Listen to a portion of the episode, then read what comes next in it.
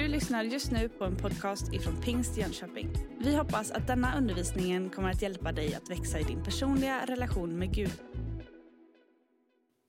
Jag vet inte vad du tänker på när du hör det här ordet frihet. Ifall du är sådär överprogrammerad av Hollywoodfilmer och tänker Braveheart och bara freedom! Kanske är det så att eh, en, du har en båt eller tänker liksom att ja, men det är en skön dag, få åka ut där på Vättern eller någonstans i skärgården och bara känna vinden och seglet. Och, eller så längtar du att bara liksom få ta med dig svampkorgen och gå ensam ut i skogen och bara vara där. Någon slags här doften av mossa och lite fuktigt träd. Det kan ju väcka frihetskänsla för någon. Jag är för lite scout i mitt liv tror jag. När man sitter i bilkön på Kortebovägen så kan man ju be ut den här bönen om frihet på något sätt. Man tänker att jag ska nog ändå börja cykla och det kanske är en välgärning för, på många sätt och vis.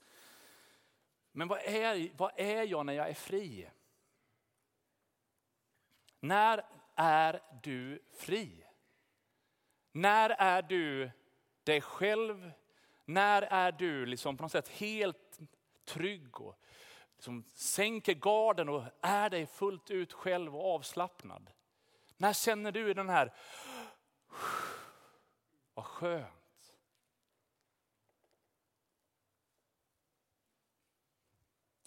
Frihet säger de som studerar orden, att det är rätten att tala och tänka och agera som man vill.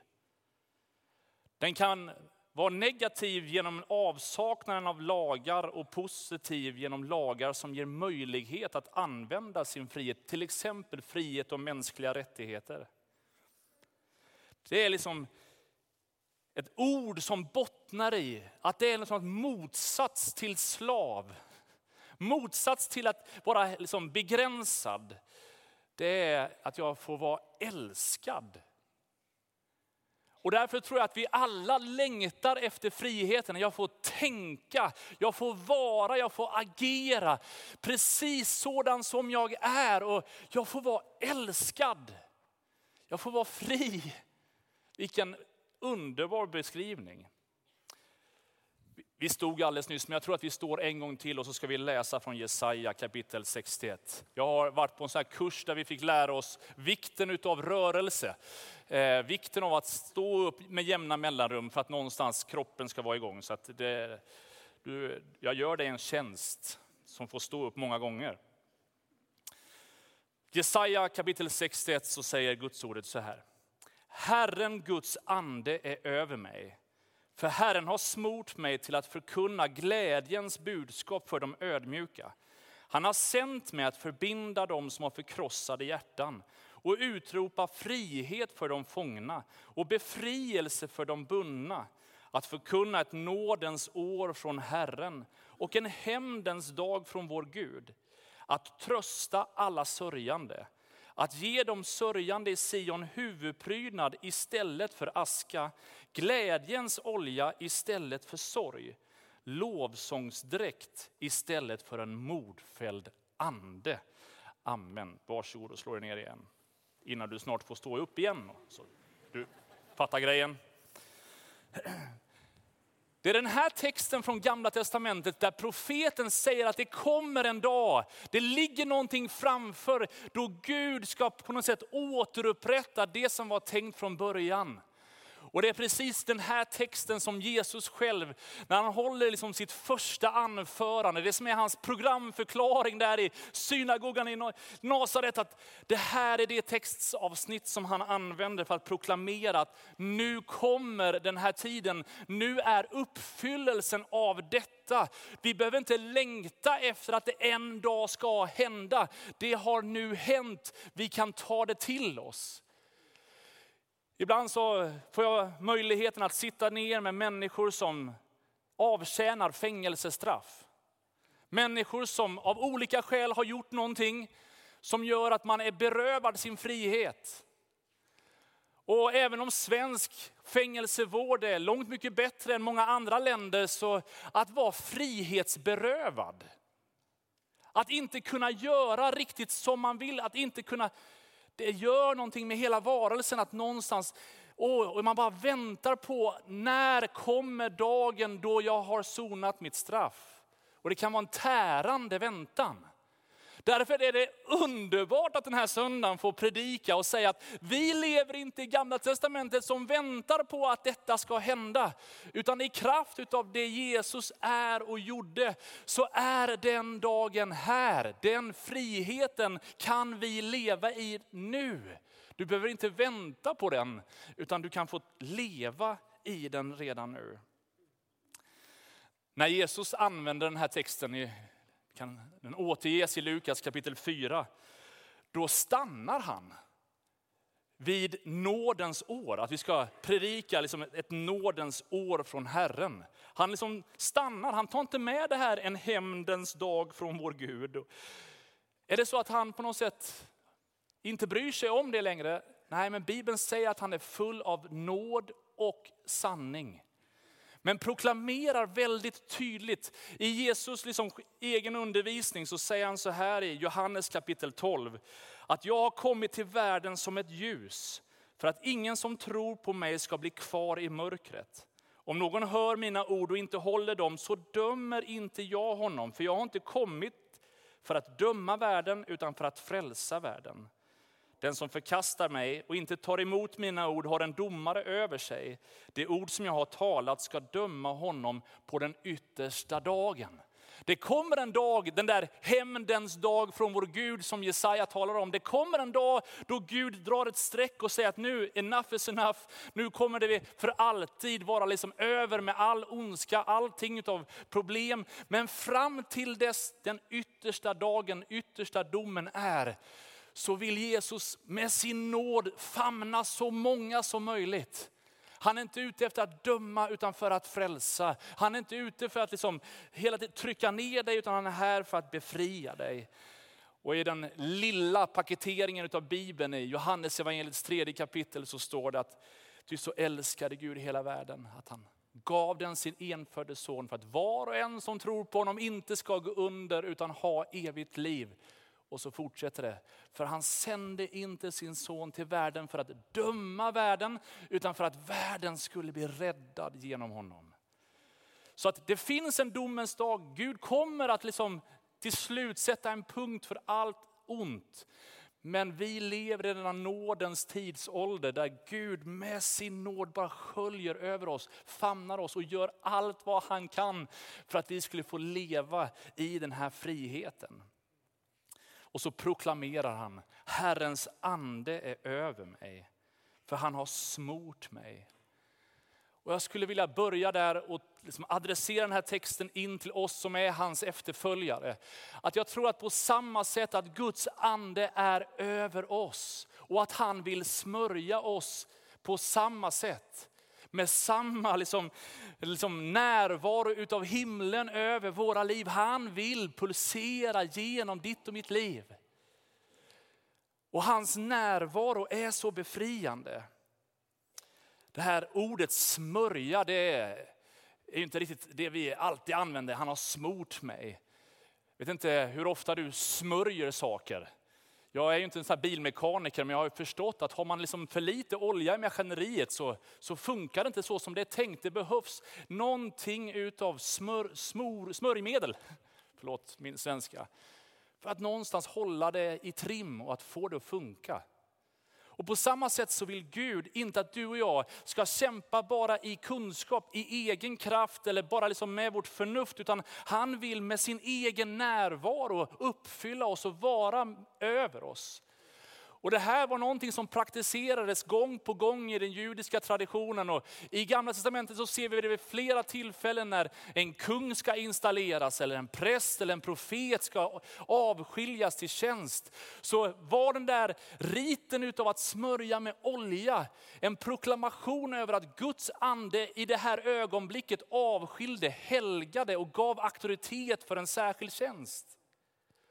Och på samma sätt så vill Gud komma över dig och mig. Han vill fylla oss med sån närvaro så att vi förstår vilka vi är i honom. Den där smörjelsen som ger auktoriteten av att nu är jag i den här funktionen. Är inte bara tänkt för någon. Utan nya testamentet förklarar att Första Petrusbrevet. Låt er själva som levande stenar byggas upp till ett andligt hus, ett heligt prästerskap. Vi alla är en del av det här prästerskapet. Och han fortsätter i sin undervisning att ni är ett utvalt släkte, ett konungsligt prästerskap, ett heligt folk, ett Guds eget folk för att förkunna hans härliga gärningar. Han som har kallat er från mörkret till sitt underbara ljus. Om du inte visste det när du stod framför spegeln i morse, så önskar jag att du ser det framför spegeln när du liksom borstar tänderna ikväll. Att det du ser i spegeln är inte vem som helst, utan det är en kung, det är en präst. Du har liksom konungslig värdighet. Gud är med dig, Gud är för dig. Han vill använda dig. Och det där fortsätter att tala genom Bibelns berättelser. I en välkänd Saltarsalm, herdesalmen, psalm 23, så står det att den här gode heden, han smörjer mitt huvud med olja. Nu är jag inte någon sån här som kan jättemycket om får. Min lillebror han är sån här fårägare, fårskötare och håller på med lamm och får och allt som får det att öka. Eh, och han har liksom beskrivit en del för mig, men jag har också försökt läsa in mig. Jag har, fick en gammal, gammal bok om den gode heden. En man i Israel som har skrivit hur det var och är att vara herde för får i just den typen av klimatzon som den här texten är skriven. Och på den här tiden när det här utspelar sig så var det självklart att smörja fåren med olja. Det var en ritual man gjorde ordentligt för det fanns små flugor och finns fortfarande flugor som jättegärna inte bara vill flyga runt mulen på fåret utan vill gärna på något sätt flyga in i mulen någonstans. Försöka liksom kläcka lite ägg i mulen som så småningom blir som små larver som kläcks. Så du kan ju tänka dig själv om du skulle ha någonstans, inte bara en mygga i sovrummet, utan du känner att myggorna lägger ägg i huvudet. Du blir ju vansinnig. Fåren som inte blev insmorda riskerade att löpa fullständigt amok. Trots att de hade gröna betesängar, trots att de hade gott vatten att dricka, hade alla yttre förutsättningar så var det som att fåren bara blev galna. Och ju mer jag har läst och tänkt efter så funderar jag, är det inte grann lite så vi upplever det i vår del av världen? Vi har grönt gräs, vi har alla förutsättningar. Men ändå så verkar vi här inne i sinnet, det känns som att det surrar, det känns som att det, oh, det stressar. Det är någonting som bara trycker på. Jag vet inte hur jag ska bli av med de här tankarna. Då lovar Gud att han med sin närvaro vill smörja vårt huvud med olja. Inte bara att hans närvaro fyller lite så här skönt liksom, här på insidan, utan det är ett beskydd från alla de där flugorna som försöker lägga ägg, som försöker få dig till att göra dumma grejer. Smörjelsen från himlen hjälper oss så otroligt mycket. Predikaren fortsätter och säger, låt dina kläder alltid vara vita och låt aldrig olja fattas på ditt huvud skulle vilja utmana oss som församling. Att låta den bibelversen bli en minnesvers som du läser och påminner dig om, helst varje dag. En tid framöver. Be den där bönen, Gud låt mina kläder vara vita. Herre, låt aldrig olja fattas på mitt huvud. Det innebär att dina och mina kläder, inte men jag har ju inga vita kläder. Jo, kanske här. Kolla, kolla. Titta, det var nästan som att jag skulle kunna tro att det här var planerat. Det var det inte, men jag var överraskad själv. Eh, men den var fin, eller hur? Så nu kan jag verkligen ta fram den. Eh, tappade helt, liksom. det var den. Han måste vara pastorn här som talar.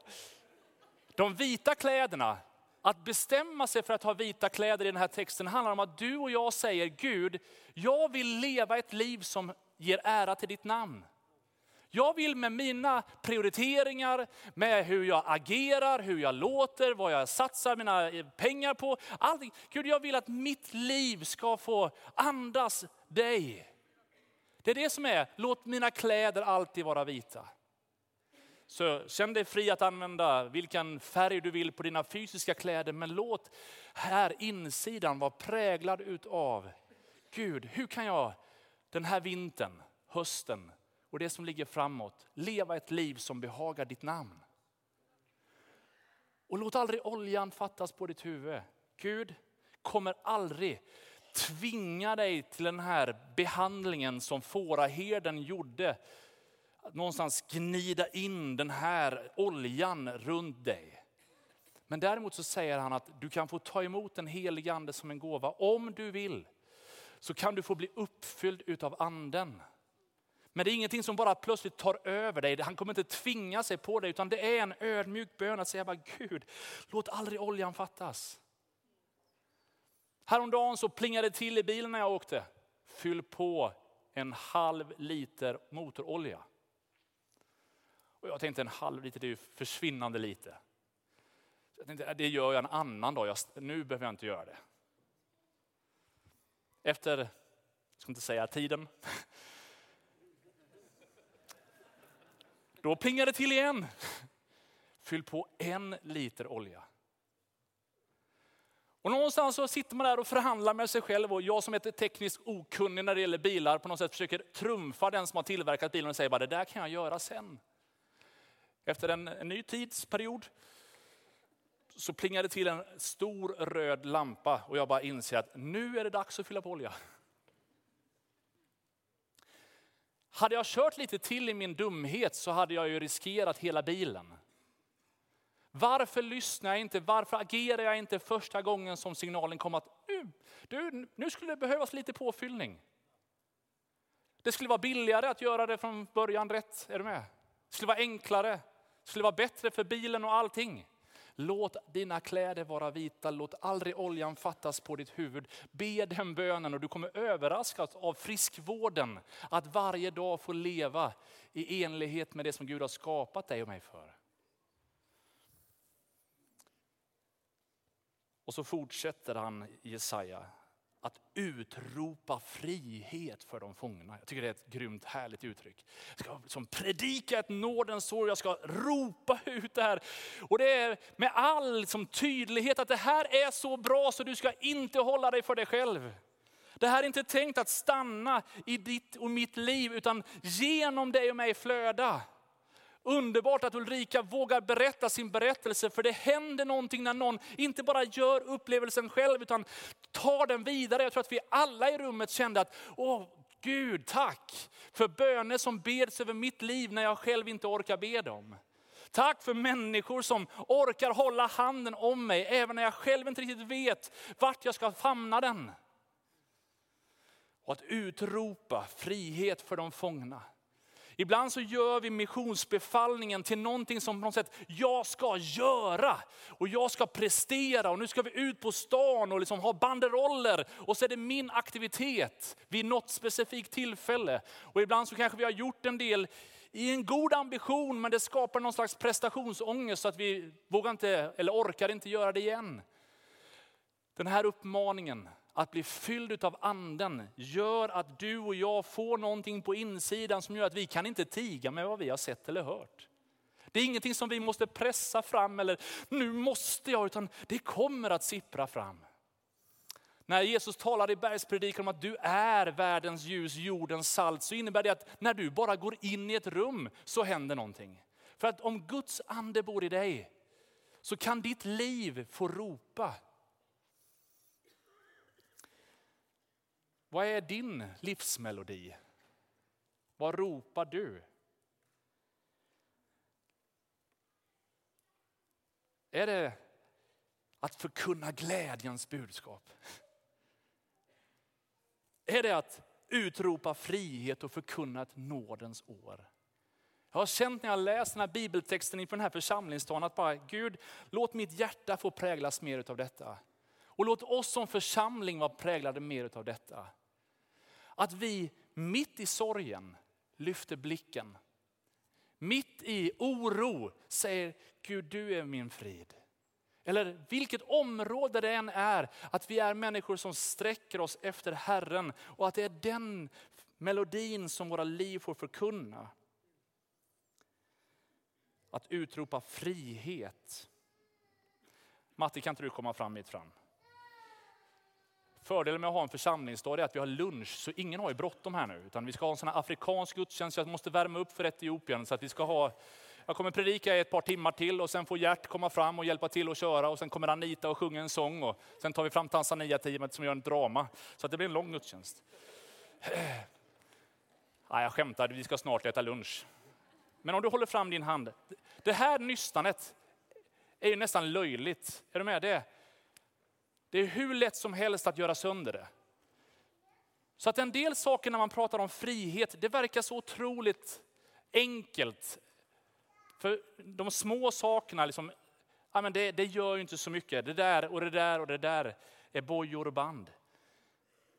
Så man tänker inte så mycket på kanske den där kommentaren som arbetskamraterna sa. Det var ju bara liksom ett löjligt ironiskt skämt, det var inte så farligt. Och sen så är det ett nytt sånt där skämt på något sätt som ligger där. Ja, måste man riktigt säga allt när man ska betala skatt? Finns det inte liksom lite så här prutmån på det som är mitt och ditt? Då? Ah, alltså, alla kör ju självskanning och på något sätt, jag, menar det, jag behövde ju några äpplen till. Det var väl, alltså jag är ju stamkund, någon slags mängdrabatt borde man väl ha över tid. Det finns massor med saker i våra liv. Saker som vi gör, saker som vi tänker, vi matar oss med. Ja, men det där tv-programmet, ja, men nu alla program innehåller ju sexscener, så vad spelar det för roll att jag liksom tittar på det här? Eller? skulle kunna fortsätta och ge exempel på exempel. Med små tunna band, det behöver inte vara så stora saker, det behöver inte vara så jätteallvarliga grejer. Men frågan är vad alla de där små sakerna gör över tid med oss. Vad alla de där vanorna som vi på något sätt tillåter, vad det på något sätt skapar i förlängningen. Och Mattias, även om du är en stark människa så ska det bli jätteintressant nu här att se hur stark du är och fall den här illustrationen håller eller fall vi blir överraskade av hela grejen. Då får vi spela med. Försök nu. Ska spela med nu. Ja, precis.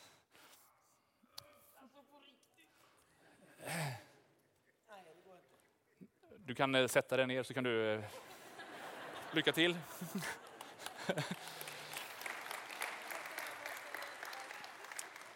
Precis, gå till Katrin, det är så vi brukar göra här i kyrkan. Men det var därför vi läste Guds ordet från Johannes evangeliet i början av vår gudstjänst när olika personer stod här med skyltar, olika saker som kan vara bojor och band, situationer där man känner att det här är saker som tynger mig. Då proklamerade Mattias ut från det, när det Jesus säger att den sonen gör fri är verkligen fri. Oavsett vad det är som har bundits runt dina händer. Oavsett vad som har fyllt ditt liv så vill Gud den här dagen göra ett under i dig. Han vill lösa dig från beteenden, från bojor och band och sår och skräp. Så att du känner när du går härifrån att även om du har varit i kyrkan en hel dag så bara, jag går med lätta steg. Det finns beskrivet i andra Mosebok hur Mose fick lära känna Gud. Men eh, han visste inte riktigt vad han skulle göra av frustrationen över att han och hans folk förtrycktes i Egypten. Så vi, han till slut så bara, vet han inte, han, han dödar en egyptisk soldat och det blir bara ännu värre så att då flyr han undan. Och efter en tid så får han möta den brinnande busken, Gud som talar till honom på ett väldigt dramatiskt sätt och påminner honom och säger så här. Jag har sett hur mitt folk förtrycks i Egypten och jag har hört hur de ropar över sina plågare. Jag känner deras lidande, därför har jag kommit ner för att rädda dem från egyptierna och föra dem ut ur landet, upp till ett gott och rymligt land. Nu har ropet från Israels barn kommit upp till mig och jag har sett hur egyptierna förtrycker dem. Så gå nu, jag ska sända dig till farao. Gud han vet böner som beds i Jönköping. Gud han vet vilken frihetslängtan som finns i Sverige och ut över världen. Och i samma ögonblick som du och jag vänder oss till honom och får uppleva våran frihet så säger han, gott, nu sänder jag dig, du ska gå till farao. Och i kapitlen senare så möter vi Mose och Aron som säger till farao, släpp mitt folk. Du har just lyssnat på en podcast ifrån Pingst Jönköping. För att få reda på mer om vilka vi är och vad som händer i vår kyrka så kan du gå in på pingstjonkoping.se eller följa oss på sociala medier via pingstjkpg.